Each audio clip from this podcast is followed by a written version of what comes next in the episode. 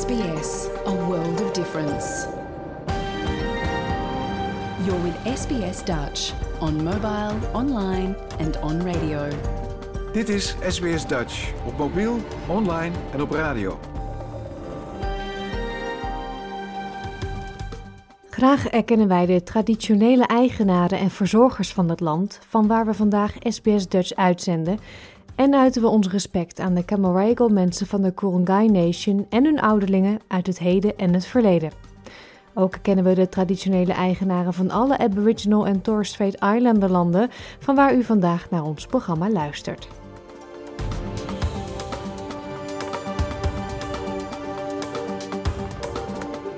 Goedemorgen, mijn naam is Paulien Roesink. Het is zaterdag 29 april 2023 en u luistert naar SBS Dutch, het Nederlandstalige radioprogramma van SBS. Vandaag geen nieuwsbulletin, maar wel aandacht voor Paul van Vliet, de cabaretier die eerder deze week op 87-jarige leeftijd overleed. We praten met slaapcoach Paulien Hoogkamer over kinderbedtijd. Want ja, hoe bepaal je nou de juiste slaaptijd voor je kind? Leesconsulente Larissa de Ru geeft kinderboekentips. Dit keer bespreekt ze liedjesboeken. En u krijgt natuurlijk het weekoverzicht van nieuws uit Nederland. Maar eerst visa-nieuws. Eerder deze week werd bekend dat het visumsysteem van Australië moet worden herzien. Het huidige systeem voldoet niet aan de behoeften, zo blijkt uit een grootschalige evaluatie. Volgens het onderzoekspanel moet het beleid op 38 punten worden hervormd. Het heeft op basis daarvan een ontwerp voor een nieuw migratiesysteem geschreven en die aan de regering overhandigd. Dit is SBS Dutch. Uit de evaluatie blijkt dat het Australische migratiesysteem kapot is, waardoor er ruimte is voor uitbuiting. In het rapport, dat is vrijgegeven door het ministerie van Binnenlandse Zaken, staat dat er duidelijkere doelstellingen nodig zijn. Volgens minister van Binnenlandse Zaken Claire O'Neill is het huidige systeem een bureaucratische nachtmerrie. Our system is slow and crazily complex. And this has real consequences for the quality of our migration program. We have hundreds of visa categories and subcategories. So complicated that if I drew you a diagram, it would look like a tangled bowl of spaghetti. Het beoordelingspanel onder leiding van Martin Parkinson, het voormalig head of prime minister en cabinet, doet 38 aanbevelingen aan de regering. Parkinson zegt dat de hervormingen vragen om een langetermijn commitment. This is going to require a multi-year commitment from government. Um, the system is uh, so large, so sprawling, so complex. It needs policy reform It needs legislative reform. It needs reform of implementation capability. In een reactie op het rapport bevestigde minister O'Neill twee definitieve wijzigingen. Ook benoemde ze er een aantal die waarschijnlijk binnenkort zullen plaatsvinden. Een van de grootste veranderingen is de verhoging van het minimumsalaris dat werkgevers vanaf 1 juli moeten betalen om iemand te kunnen sponsoren. De Temporary Skilled Migration Income Threshold, kortweg TSMIT, is tien jaar geleden bevroren op 53.000 dollar en sindsdien niet meer omhoog gegaan. Het zal nu stijgen naar 70.000 dollar. Mevrouw Neal zegt dat Australië deels door die inkomensstop moeite heeft om skilled migrants aan te trekken. What has emerged is a system where it is increasingly easy for migrants to come to Australia in search of a low-paid job but increasingly difficult for migrants with the skills that we desperately need. Minister O'Neill kondigde ook aan dat alle skilled migrants tegen het einde van dit jaar de mogelijkheid zullen krijgen om een permanente verblijfsvergunning aan te vragen. Het aantal mensen dat die verblijft op een temporary visa is sinds 2007 verdubbeld. Op dit moment werken er in Australië zo'n 2,1 miljoen mensen op een tijdelijk visum. Uit de evaluatie bleek ook dat door het puntensysteem dat wordt gebruikt niet altijd de beste kandidaten geselecteerd worden. En veel internationale studenten die in een temporary visa limbo verstrikt raken, komen ondanks een opleiding terecht in laaggeschoolde banen. De regering zegt dat de wijziging werkgevers en migranten meer zekerheid zal bieden. Volgens premier Anthony Albanese is het een belangrijke verandering voor gezinnen. Their kids are going to local schools. They're raising a family here. And these changes, again, aimed at more permanency. Giving people that security will mean that they're able to make a greater contribution to the Australian community. De Albanese-regering is ook van plan het migratiesysteem op te splitsen in drie niveaus. Het eerste niveau is de Highly Skilled Stream, met snelle doorlooptijden. De middenlaag is een mainstream skilled traject dat zich richt op middeninkomens waar de nieuwe salarisdrempel het sterkst voelbaar is. Het laatste niveau zal gericht zijn op het aanpakken van chronische tekorten in de minder betaalde zorgsector, wat mogelijk kan helpen met het verminderen van de druk in bijvoorbeeld de ouderenzorg. Overheidsinstantie Jobs and Skills Australia zal ieder niveau helpen met een datagestuurde aanpak. Het is voor het eerst dat de instantie een formele rol zal spelen in het migratiesysteem. De voorzitter van de Australian Council of Trade Unions, Michelle O'Neill, is blij met de evidence-based aanpak. Way too long we've had a system where employers have claimed skill shortages, but often what it's been is a shortage of jobs with good wages and conditions, not a shortage of skills. So we want to make sure that there's a system that is based on rigorous independent verification of shortages, that local workers are given the opportunity to train and find the jobs that are there for the future, and that we bring migrants to this country in a way where there's a genuine shortage, but also that we support them and make sure that they're not vulnerable to exploitation. Het is niet precies duidelijk wanneer het nieuwe systeem wordt ingevoerd, maar de regering zegt er alles aan te doen om de wijzigingen zo snel mogelijk te implementeren. Dit verhaal werd gemaakt door Sophie Bennett voor SBS Nieuws en door SBS Dutch vertaald in het Nederlands. Gaan we verder met groot en verdrietig nieuws uit Nederland, want daar overleed deze week Paul van Vliet op 87-jarige leeftijd. In de jaren 70 en 80 was de Hagenees een van de bekendste cabaretiers van Nederland. De NOS maakte het volgende overzicht van zijn leven. Ja joh, en toen heb ik een kleine commune gesticht, weet je Van all together, dat werk, weet je Oeh. Ja, dat zijn leuke dingen voor de mensen. Vragen? Geen vragen. Deze zinnetjes zijn een eigen leven gaan leiden nadat Paul van Vliet ze op het podium uitsprak. De cabaretier met zijn reizige postuur en volle bos haar. Hij studeert rechten, maar kiest toch voor het theater. Ook letterlijk, want in zijn geboortestad Den Haag koopt hij een oud pakhuis. Dit wordt het dan, het eerste Haagse kleinkunsttheatertje Theater Pepijn. Zijn echte doorbraak volgt als hij live op tv is bij het verlovingsfeest van prinses Beatrix, met wie hij samen gestudeerd heeft. Daar biedt hij prins Klaus een jas aan. Hij moet zo sterk zijn dat als vader hem na twintig jaar afdankt... dat de kinderen dan altijd nog behoorlijk kampeerbroekjes uit overhouden. Hij krijgt er de bijnaam Oranje Paaltje door. Zijn one-man-shows zijn een groot succes. Met zijn vaak weemoedige liedjes weet hij mensen te raken. Meisjes van Maar het is niet genoeg. Ik wil ook iets meer doen met mijn talent, met mijn creativiteit, met mijn werkkracht. Ook met mijn bekendheid. Waar kan ik dat kwijt? Dus als Audrey Hepburn hem vraagt de eerste Nederlandse ambassadeur voor de kinderorganisatie van de VN te worden, twijfelt hij geen moment.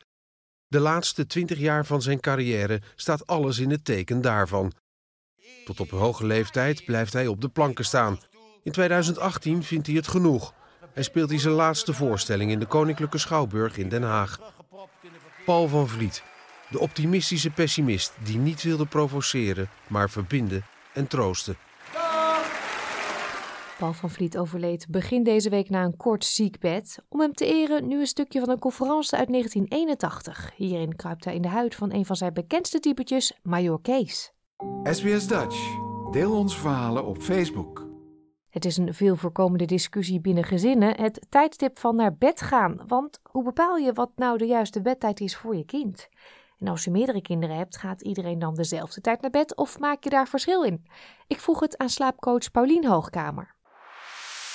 Jouw gemeenschap, jouw gesprek, SBS Dutch. Ik denk dat heel veel mensen horen, ja, maar die en die, die mag ook zo laat. Of die mag juist zo laat. Ja, dat klopt. Ik denk uh, zeker in de leeftijd waarop uh, kinderen kunnen praten, en dat is ook veelvuldig doen met elkaar, dan uh, komen verschillen in opvoeding of samenstellingen van gezinnen eigenlijk uh, op die manier gewoon goed naar boven. Want dan wordt er inderdaad gezegd, ja maar bij mij in de klas ben ik de enige die om zo en zo laat naar bed moet of naar bed mag. Ja, en dan denk je als ouder, hè? Hoe dan? Ja. Nou, het is ten eerste gewoon echt belangrijk. Elk kind heeft natuurlijk echt voldoende slaap nodig. De slaap is echt heel erg belangrijk voor hun hersenen. Ehm, En voldoende is hoe lang? Hoeveel uur? nou, dat hangt dus een beetje af van de leeftijd van het kind. Dus heb je een tiener, dus dat is zeg maar iemand vanaf 13, die heeft soms gewoon aan een uurtje of negen of iets meer dan negen voldoende.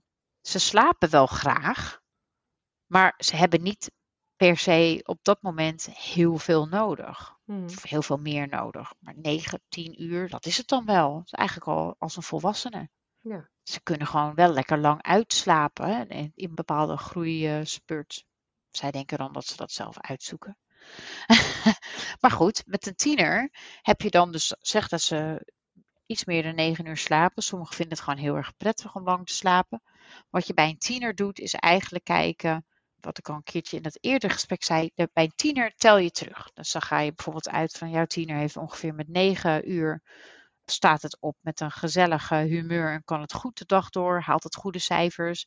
Dan zie je een energiekind dat niet naar binnen sloft. Dus dan heb ik het dus niet over het puberale gedrag, maar heb ik het echt over het fysieke sloffen. Hè? Dus dat ze echt niet meer kunnen. Dat zijn namelijk twee verschillende dingen bij tieners. Maar dan zou ik bij een tiener zou ik terugtellen. Dus als ze bijvoorbeeld om zeven uur met de bus mee moeten, zou ik terugtellen. Zou ik er negen uur terugtellen. Want tieners vinden het fijn om laat naar bed te gaan. Dan komen ze eigenlijk weer een beetje tot leven. Dus als de ouders denken van nou, ik heb het helemaal gehad, dan heeft een tiener gewoon nog ja, heel veel dingen te doen. Ja. Ontzettend veel dingen te doen. Ja, het leven is natuurlijk ook prachtig, ligt aan hun voeten. Dus dan zeg jij, zeven uur de deur uit. Tussen tien en elf mag hij dan naar bed. Ja, tussen 10 en 11 mag hij naar bed. Dat betekent natuurlijk niet dat dat niet eerder kan. Het kan natuurlijk ook wel eerder, maar dan kun je bijvoorbeeld zeggen, kun je afspraken over maken. Dus kun je bijvoorbeeld zeggen van, nou weet je, je kunt bijvoorbeeld om 9 uur naar boven, je mag tot 10 uur op je telefoon. En dan kunnen ze bijvoorbeeld daarna gewoon nog eventjes ontspannen met een boekje of zo. Ja, want ze hebben echt wel eventjes off-screen time nodig. En dat is bij tieners natuurlijk Ja. een groot probleem. Dus ik zou ze zelf altijd eerder naar bed. En ik heb zelf ook tieners. Die van mij gaan om 9 uur naar bed. Staan om 7 uur op. Alleen ze slapen niet om 9 uur. Dus dan willen ze eerst nog even wat kijken. Nou, dan kijken ze nog een 20 minuutjes. En dan zeg ik, nou, het is nu tijd om het uit te gaan zetten. Mag je nog eventjes een boekje lezen? Dan gaan ze een boekje lezen. En dan gaan om een uurtje of tien de lichten uit. En dan hoor ik ze nog een beetje rommelen, zeg maar. En dan, eh, ja, kwart over tien eh, zijn hun luikjes wel dicht, zeg maar. En elke dag hetzelfde. Ja, en ze zijn, gaan allemaal even laat naar bed. Ook al zijn ze niet even oud allemaal. Ja, ze gaan even laat naar bed. Ik heb dan ook nog een dochter van 16. Nou, die mag dan een kwartier langer. Maar die is fysiek bijvoorbeeld weer heel, eh, heel erg in de weer. Dus eh, ja, dan heeft je lichaam bijvoorbeeld veel meer nodig dan als je gewoon een dag alleen maar in de schoolbanken zit. Hmm. En ehm, zij merken, omdat bij ons slapen een groot deel van mijn leven natuurlijk ook is, hebben we het er vaak over. Zij weten zelf ook van dat als ze niet genoeg slapen, dat ze gewoon niet fit zijn. Hmm. En eh, als je dan tieners hebt en eh, die hebben bijvoorbeeld ook proefwerken of essays in te leveren, hè, of bepaalde testperioden, ja, dan als ze zelf ook weten dat ze beter presteren, nou, dan vinden ze dat toch ook wel fijn als ze heel erg hard hebben geleerd om dan dat ook te laten zien op papier. Ja, dus jouw kinderen zijn wel een beetje bovengemiddeld verantwoordelijk op dit vlak door mama. Ja, maar eigenlijk merk ik toch ook al bij hun vriendjes, als ik bij ouders doorvraag, dat toch wel heel veel ouders toch wel zeggen van ja, maar ja, weet je, het is echt wel belangrijk. Maar wat ik denk dat het grootste probleem is, is consistentie. Kijk, als jij kind hebt dat gewoon echt een nachtuil is, die heb je. Hè? Het zijn jonge volwassenen. Ja, sommigen die willen gewoon echt niet voor, die, gaan, die kunnen ook niet voor elf uur slapen. Hmm. Lukt ze gewoon echt niet. Dus dan, tegen dat soort kinderen, en dat zijn ook de kinderen die op school zeggen, ik hoef pas om 11 uur. Dat klopt. Want zij kunnen fysiek bijvoorbeeld niet voor die tijd in slaap komen. Maar ze zouden wel misschien om 10 uur in bed moeten liggen. En dan gewoon misschien inderdaad een luisterboek moeten doen. Hmm. Want wat mag, is natuurlijk niet per se dat wat goed is voor je kind. Nee. Ja, dit zijn de tieners, eh, basisschoolleeftijd. Basisschoolleeftijd. Nou, daar heb je dus echt kinderen die slapen soms heel graag willen, maar waarbij het echt niet lukt. In de lagere klassen van de basisschool hebben we te maken met angsten. Hè, dus de wereld is opeens heel groot. eh, ze gaan naar school, er wordt geleerd. Het is allemaal anders. Je hebt opeens vriendjes of niet, vriendinnetjes. En het is echt, eh, de sociale druk neemt toe. Er gebeurt zoveel. En dat heeft zijn weerslag dan zeker wel op het slapen. Ja. Want ze moeten dat kunnen verwerken.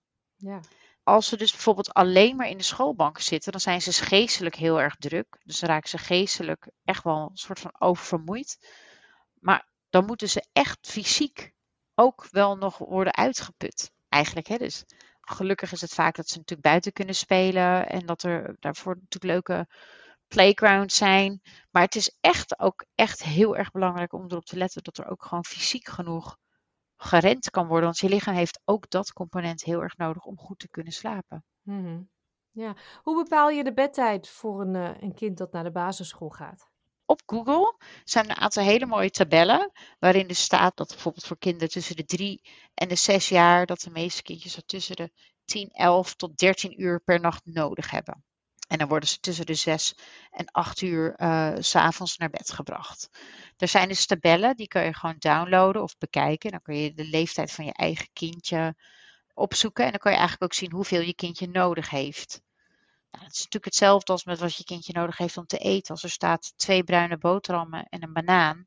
Het is natuurlijk een gemiddelde. Dus er zijn kindjes, als er staat tussen 11 en 13 uur. Er zijn kindjes die zitten aan 11 uur. En er zijn kindjes die zitten aan 13 uur. En mijn tip daarvan zou dan wel zijn van kijk, als je kind het nog echt eh, slechter uitziet. Als je merkt dat het om 5 uur 's avonds heel druk begint te doen, terwijl het pas om 7 uur naar bed gaat, is een teken dat het bijvoorbeeld echt heel erg moe is. Hè? Dan worden ze een beetje ja, vervelend, zeg maar. Of dan luisteren ze minder goed, omdat ze gewoon niet meer kunnen. Dan heb jij misschien een kindje dat iets meer slaap nodig heeft. Zo kan je natuurlijk voor jezelf, voor je kind bepalen. Als je kijkt hoe jouw baby sliep als baby, dus had jouw baby als baby heel veel slaap nodig, dat blijft stiekem eigenlijk wel hetzelfde. Dan is het gewoon een persoon dat veel slaap nodig heeft. Of had jij een baby die aan de kortere kant sliep in vergelijking met leeftijdsgenootjes? Dat is ook een goede indicatie, hè? Mhm. Ja. Volgens mij hoor ik je heel duidelijk ook wel doorschemeren. Laat je niet gek maken dat andere kinderen eh, later mogen. Want ieder kind is anders. Zoals volwassenen ook. Het is per persoon afhankelijk. Ja, en wat ik al zei, wat ik echt zelf ook heb gemerkt, ik merk dat ook in mijn werk, want ik kom natuurlijk heel vaak tegen het ouder zeggen, ja, het lijkt alsof mijn kind als eerste naar bed gaat of als laatste naar bed gaat. Nou, kijk, ehm, er zijn ook bijvoorbeeld mensen die ik ken, die kiezen ervoor om nog met z'n allen als gezin te eten. Als de vader of de moeder een baan heeft waarbij er pas om acht uur 's avonds kan worden gegeten, dan liggen ze natuurlijk niet om kwart over acht op bed. Maar dan zal wel de ochtend wakkertijd verschoven moeten worden. Dan zullen ze langer moeten slapen. Hè, dus dat kan. Dus het is, het is echt niet zo zwart-wit. Dus als een kind thuis komt en zegt, ja, maar ja, eh, Pieter die mag om negen uur en ik moet om zeven uur. Nou, slaapt Pieter om negen uur of gaat hij zijn tanden poetsen om negen uur? Dat jouw kind naar bed moet, betekent niet dat het meteen hoeft te slapen. Is jouw kind bijvoorbeeld ook nog een uur aan het lezen, is het eigenlijk stiekem ook al acht uur. Krijgt nog een nachtkus, je praat nog even de dag door. Om half negen loop je de slaapkamer uit. Hmm. Dan is er eigenlijk geen verschil. Nee. Dus laat je niet gek maken. Nee, en broertjes en zusjes op eh, hetzelfde moment naar bed laten gaan, ook al zit er twee, drie jaar leeftijdsverschil tussen. Ben je daar een voorstander van? Of zeg je nee, daar moet je wel een verschil in maken? Nou, als ouder, als je eh, bijvoorbeeld een gezin bent of een alleenstaande ouder, dan kan het natuurlijk zo zijn dat je op dat moment het bedritueel alleen moet doen.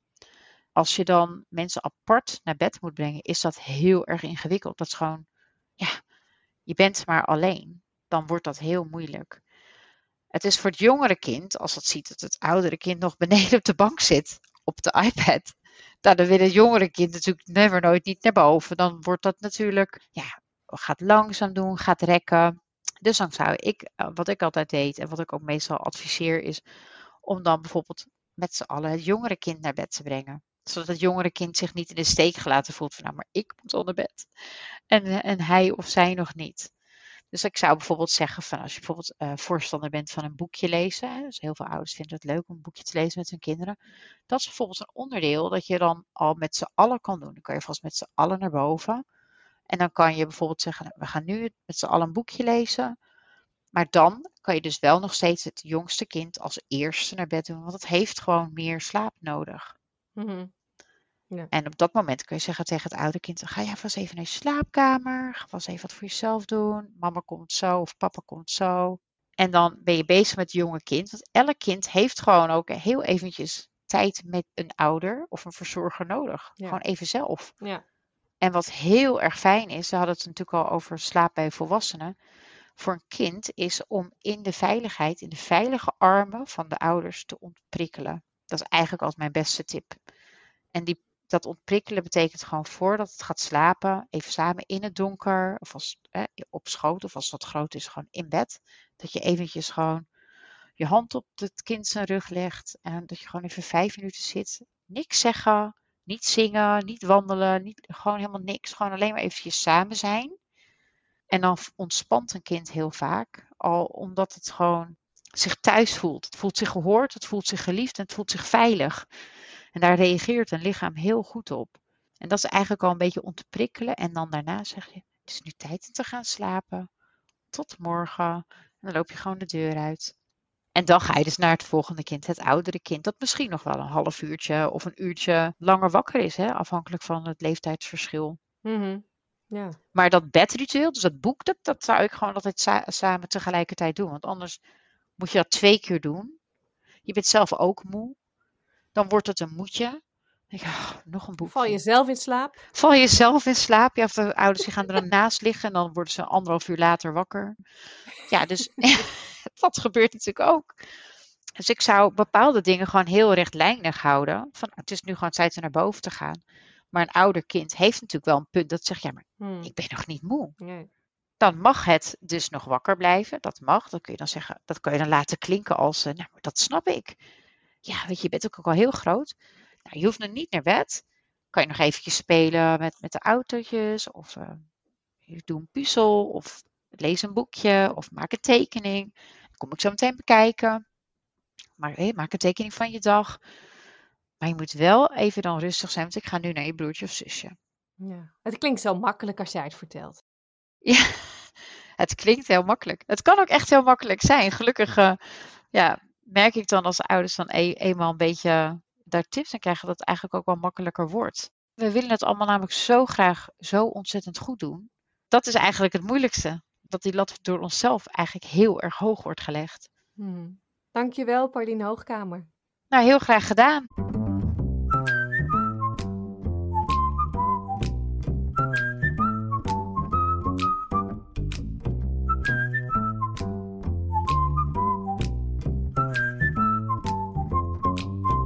Een liedje zingen kan eigenlijk iedereen wel. Of dat het even mooi klinkt, ja, dat is natuurlijk een andere vraag. Zingen samen met je kinderen of kleinkinderen is ook heel leuk en goed voor de Nederlandse taal. Onze leesconsulente Larissa de Ru bespreekt daarom dit keer twee liedjesboeken. Dit is SBS Radio Dutch. Je gaat mij toch niet vragen vandaag om te gaan zingen, hè? Nee, dat zal ik niet doen. Ik heb er nog wel even over nagedacht of jij niet hetzelfde zou doen. Ja, wat, gaan we vandaag bespreken? Ja, we dachten, of we dachten, ik dacht eh, liedjesboeken. Daar hebben we het eigenlijk nog helemaal niet over gehad. En eh, terwijl het echt zo'n ontzettend mooie manier is om bezig te zijn eh, met taalontwikkeling. Terwijl het natuurlijk ja, daarnaast ook gewoon heel gezellig en ontspannend is. Maar ik heb ook wel tips voor ouders die denken, liedjesboeken, liedjes, ik kan helemaal niet zingen. Al moet ik er wel meteen bij zeggen, ja, kinderen die geven er natuurlijk helemaal niet om of je super mega zuiver zingt. Dus er zijn opties voor als je je echt niet eh senang erbij voelt. Maar eigenlijk moet je gewoon lekker zelf zingen met je kind. Ja, dat kan eigenlijk iedereen toch wel met je eigen kind. Ja, jazeker. Lijkt me ook. Maar op de radio gaat mij net even te ver. Dus ik ben blij dat jij mij dat niet gaat vragen. Als we het in beide kanten op doen, dan komen we er leuk mee weg. Zijn er veel liedjesboeken? Ja, heel veel. Ik was dus even inderdaad weer aan het zoeken. En ehm, het valt me op, je hebt wel echt verschillende soorten eh, liedjesboeken. Er zijn veel met echt, ja, de eh, liedjes waar wij mee opgegroeid zijn. Ehm, er zijn er ook wel steeds meer die echt die ehm, crossover gaan zoeken tussen ehm, liedjes vanuit verschillende culturen. Dus echt liedjes de hele wereld over. Ehm, kinderen die tweetalig worden opgevoed, waarbij dan gekeken wordt van hé, hey, wat hebben we hier wat vergelijkbaar is met uit een andere taal. Ja, en heel veel themaliedjesboeken, bijvoorbeeld allemaal liedjes over de zee. Dus het viel me eigenlijk wel op dat er meer waren dan dat ik ook een beetje helder uh, had. Ja. Ja, en waarom is het nou uh, zo belangrijk? Um, het helpt natuurlijk heel erg om op een andere manier met de taal bezig te zijn. En liedjes kun je eigenlijk ook vaak voorlezen als een soort van versjes. Um, en je kan er echt dus al mee beginnen als je baby een paar maanden oud is, omdat ze dan al heel erg die verschillende melodieuze klanken horen.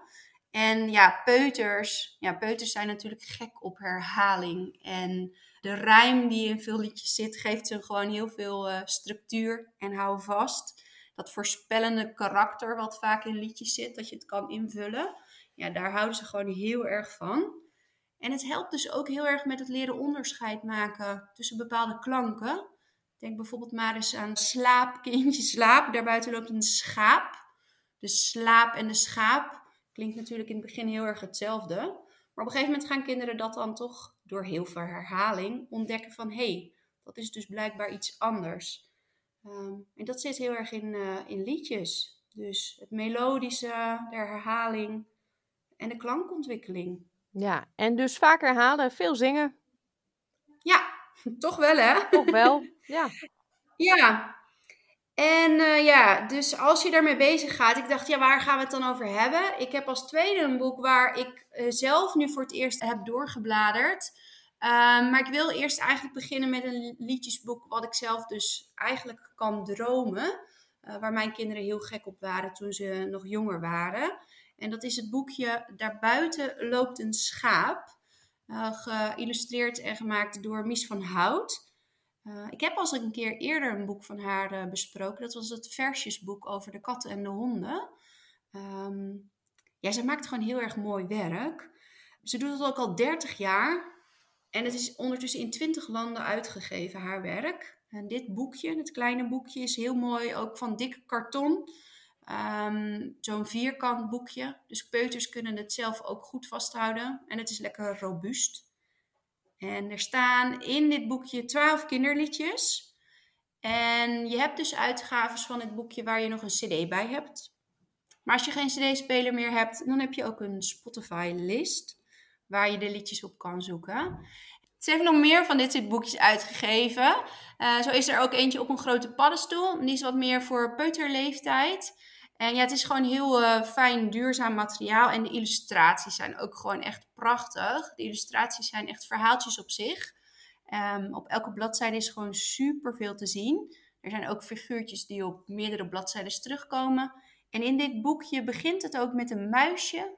En het kleine muisje, dat komt ook op elke bladzijde terug. En soms moet je er wel heel erg je best voor doen. Uh, dus ja, is gewoon hartstikke leuk. En nu voor de luisteraars is het natuurlijk ook al leuk dat je het op Spotify al kan opzoeken, ook al heb je het boekje nog niet. En als je op de website van de uitgever kijkt, heb je ook wat suggesties over wat je zou kunnen vragen bij alle plaatjes, mocht je dat fijn vinden. Ja, welke liedjes staan er nou ongeveer in? Uh, Oze, Wieze, Woze, uh, Witte Zwanen, Zwarte Zwanen, Klap eens in je handjes en alle eentjes zwemmen in het water. En, en nog een paar andere dus. En is het dan één, één verhaal waar die liedjes in voorkomen? Of is het gewoon per liedje een verhaaltje? Ja, ja twee bladzijden per liedje. En dan het, de, de illustratie en de tekst. En, en dan gewoon de volgende. Nou, ouders kunnen weer lekker uh, terug naar hun eigen kindertijd met deze liedjes. Ja, dat, wat, toen ik het aan het voorbereiden was, toen kwam ik er ook tegen.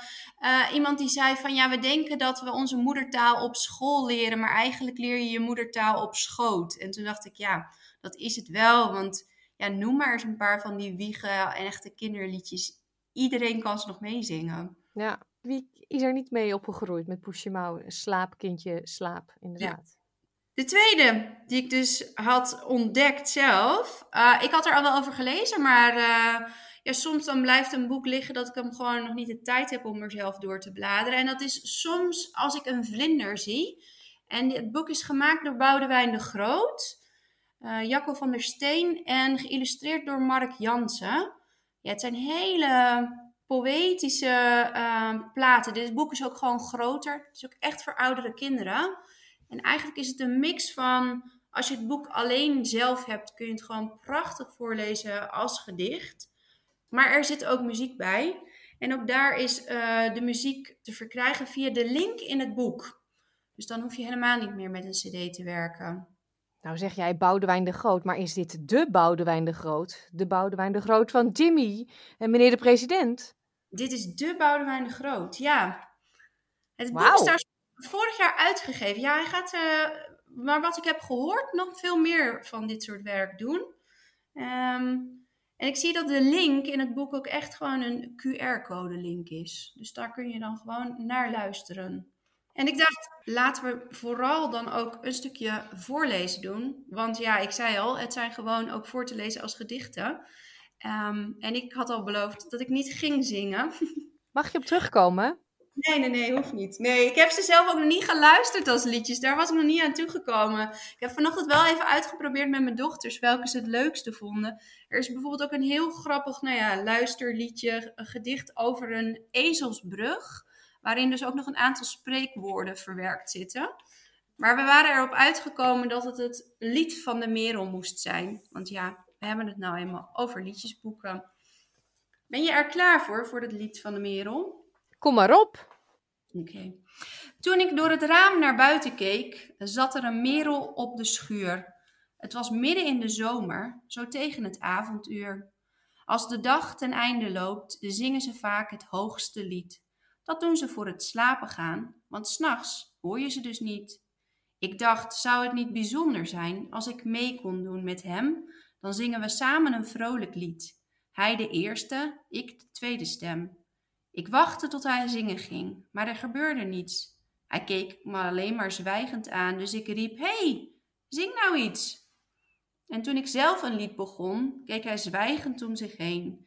Merels zingen neem ik aan, het liefst helemaal alleen. Dus als je iets voor ze gaat doen, dan zwijgen ze subiet, of ze vliegen weg en zingen ergens anders hun eigen lied. De merel zingt wanneer hij wil, de merel zingt zijn eigen lied. En zingt hij niet, dan blijft het stil. Wie niet horen wil, die luistert niet.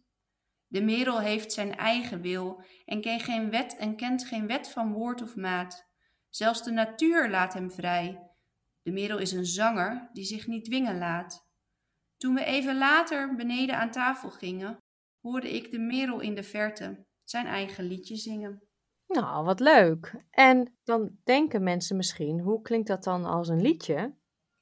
Ik wachtte gebeurde. Hij keek me alleen maar zwijgend aan, dus ik riep: Hey, zing nou iets.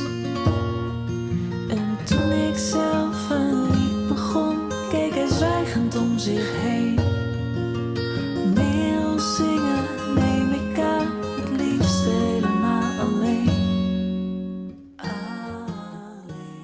Dat uh, klinkt hartstikke leuk, maar dit was niet Boudewijn de Groot. Nee, um, specifiek dit lied is nou net gezongen door iemand anders, namelijk Aisha Meis. En hij doet hierin zelf uh, het muzikale stuk, maar er zijn dus liedjes bij waarin hij wel zingend te horen is. Ja, en voor welke leeftijd is dit ongeveer geschikt, denk jij? Ik denk dat het vanaf een jaar of zes tot een jaar of tien heel geschikt is. De teksten zijn best wel um, pittig wat dat betreft en um, ja, minder makkelijk mee te zingen. Hmm. Dus vandaar voor wat oudere kinderen. Ja, compleet nieuwe liedjes natuurlijk. Ja. Dus ook die weer vaak herhalen. Ja, en dan worden ze vanzelf echte klassiekers. Precies. Dankjewel Larissa. We gaan uh, zingen. Graag gedaan, tot de volgende keer. En dan is het nu tijd voor een overzicht van enkele belangrijke, bijzondere en spraakmakende nieuwsberichten uit Nederland van de afgelopen week. Dit keer met dank aan de NOS.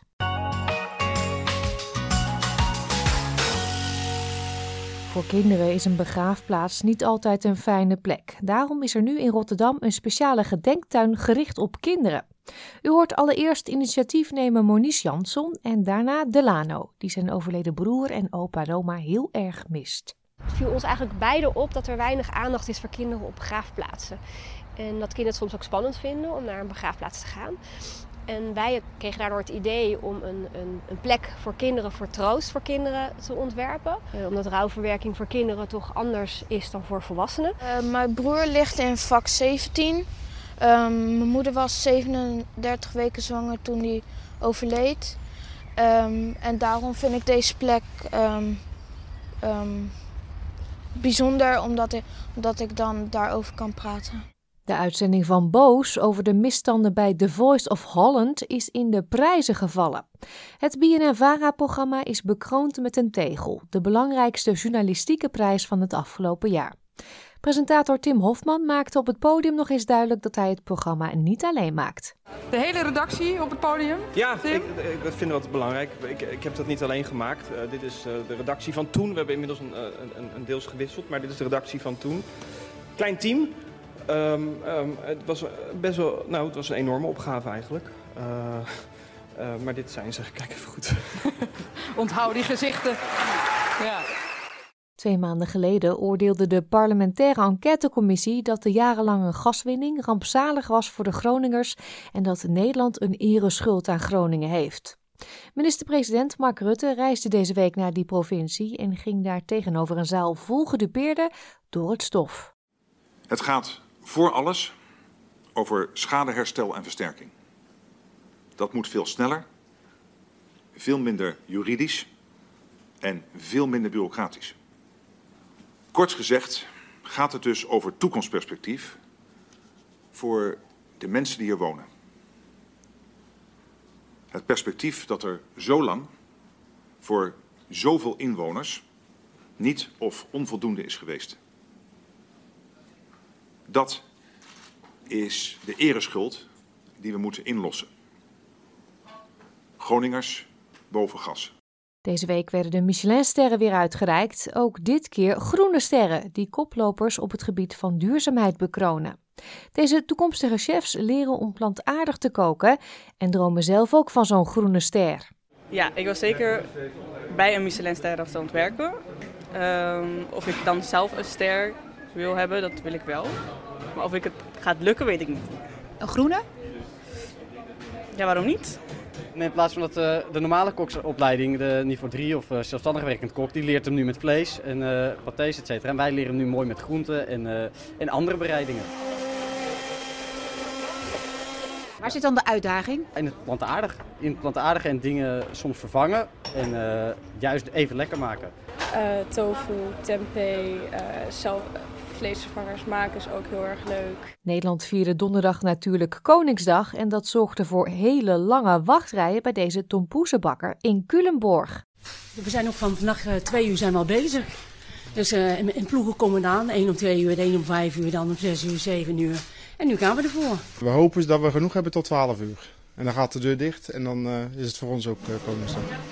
Koning Willem-Alexander vierde dit jaar Koningsdag en zijn tienjarig jubileum samen met zijn familie in Rotterdam.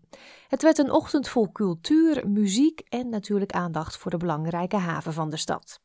De feestelijkheden werden afgesloten met een concert van Rotterdamse artiesten, waaronder Davina Michel en Lee Towers. De koning had het erg naar zijn zin en sprak de mensenmassa vanaf het podium toe. Dat ik vandaag samen met mijn familie, mijn verjaardag en ook tien jaar koningschap met u samen in deze hele bijzondere stad mocht vieren. Dat heeft mij heel veel gedaan. Heel veel dank daarvoor. Geen woorden, maar daden.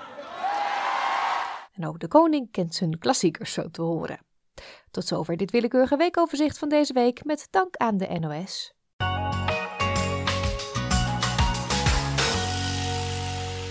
Hiermee komen we aan het einde van deze aflevering van SBS Dutch van zaterdag 29 april.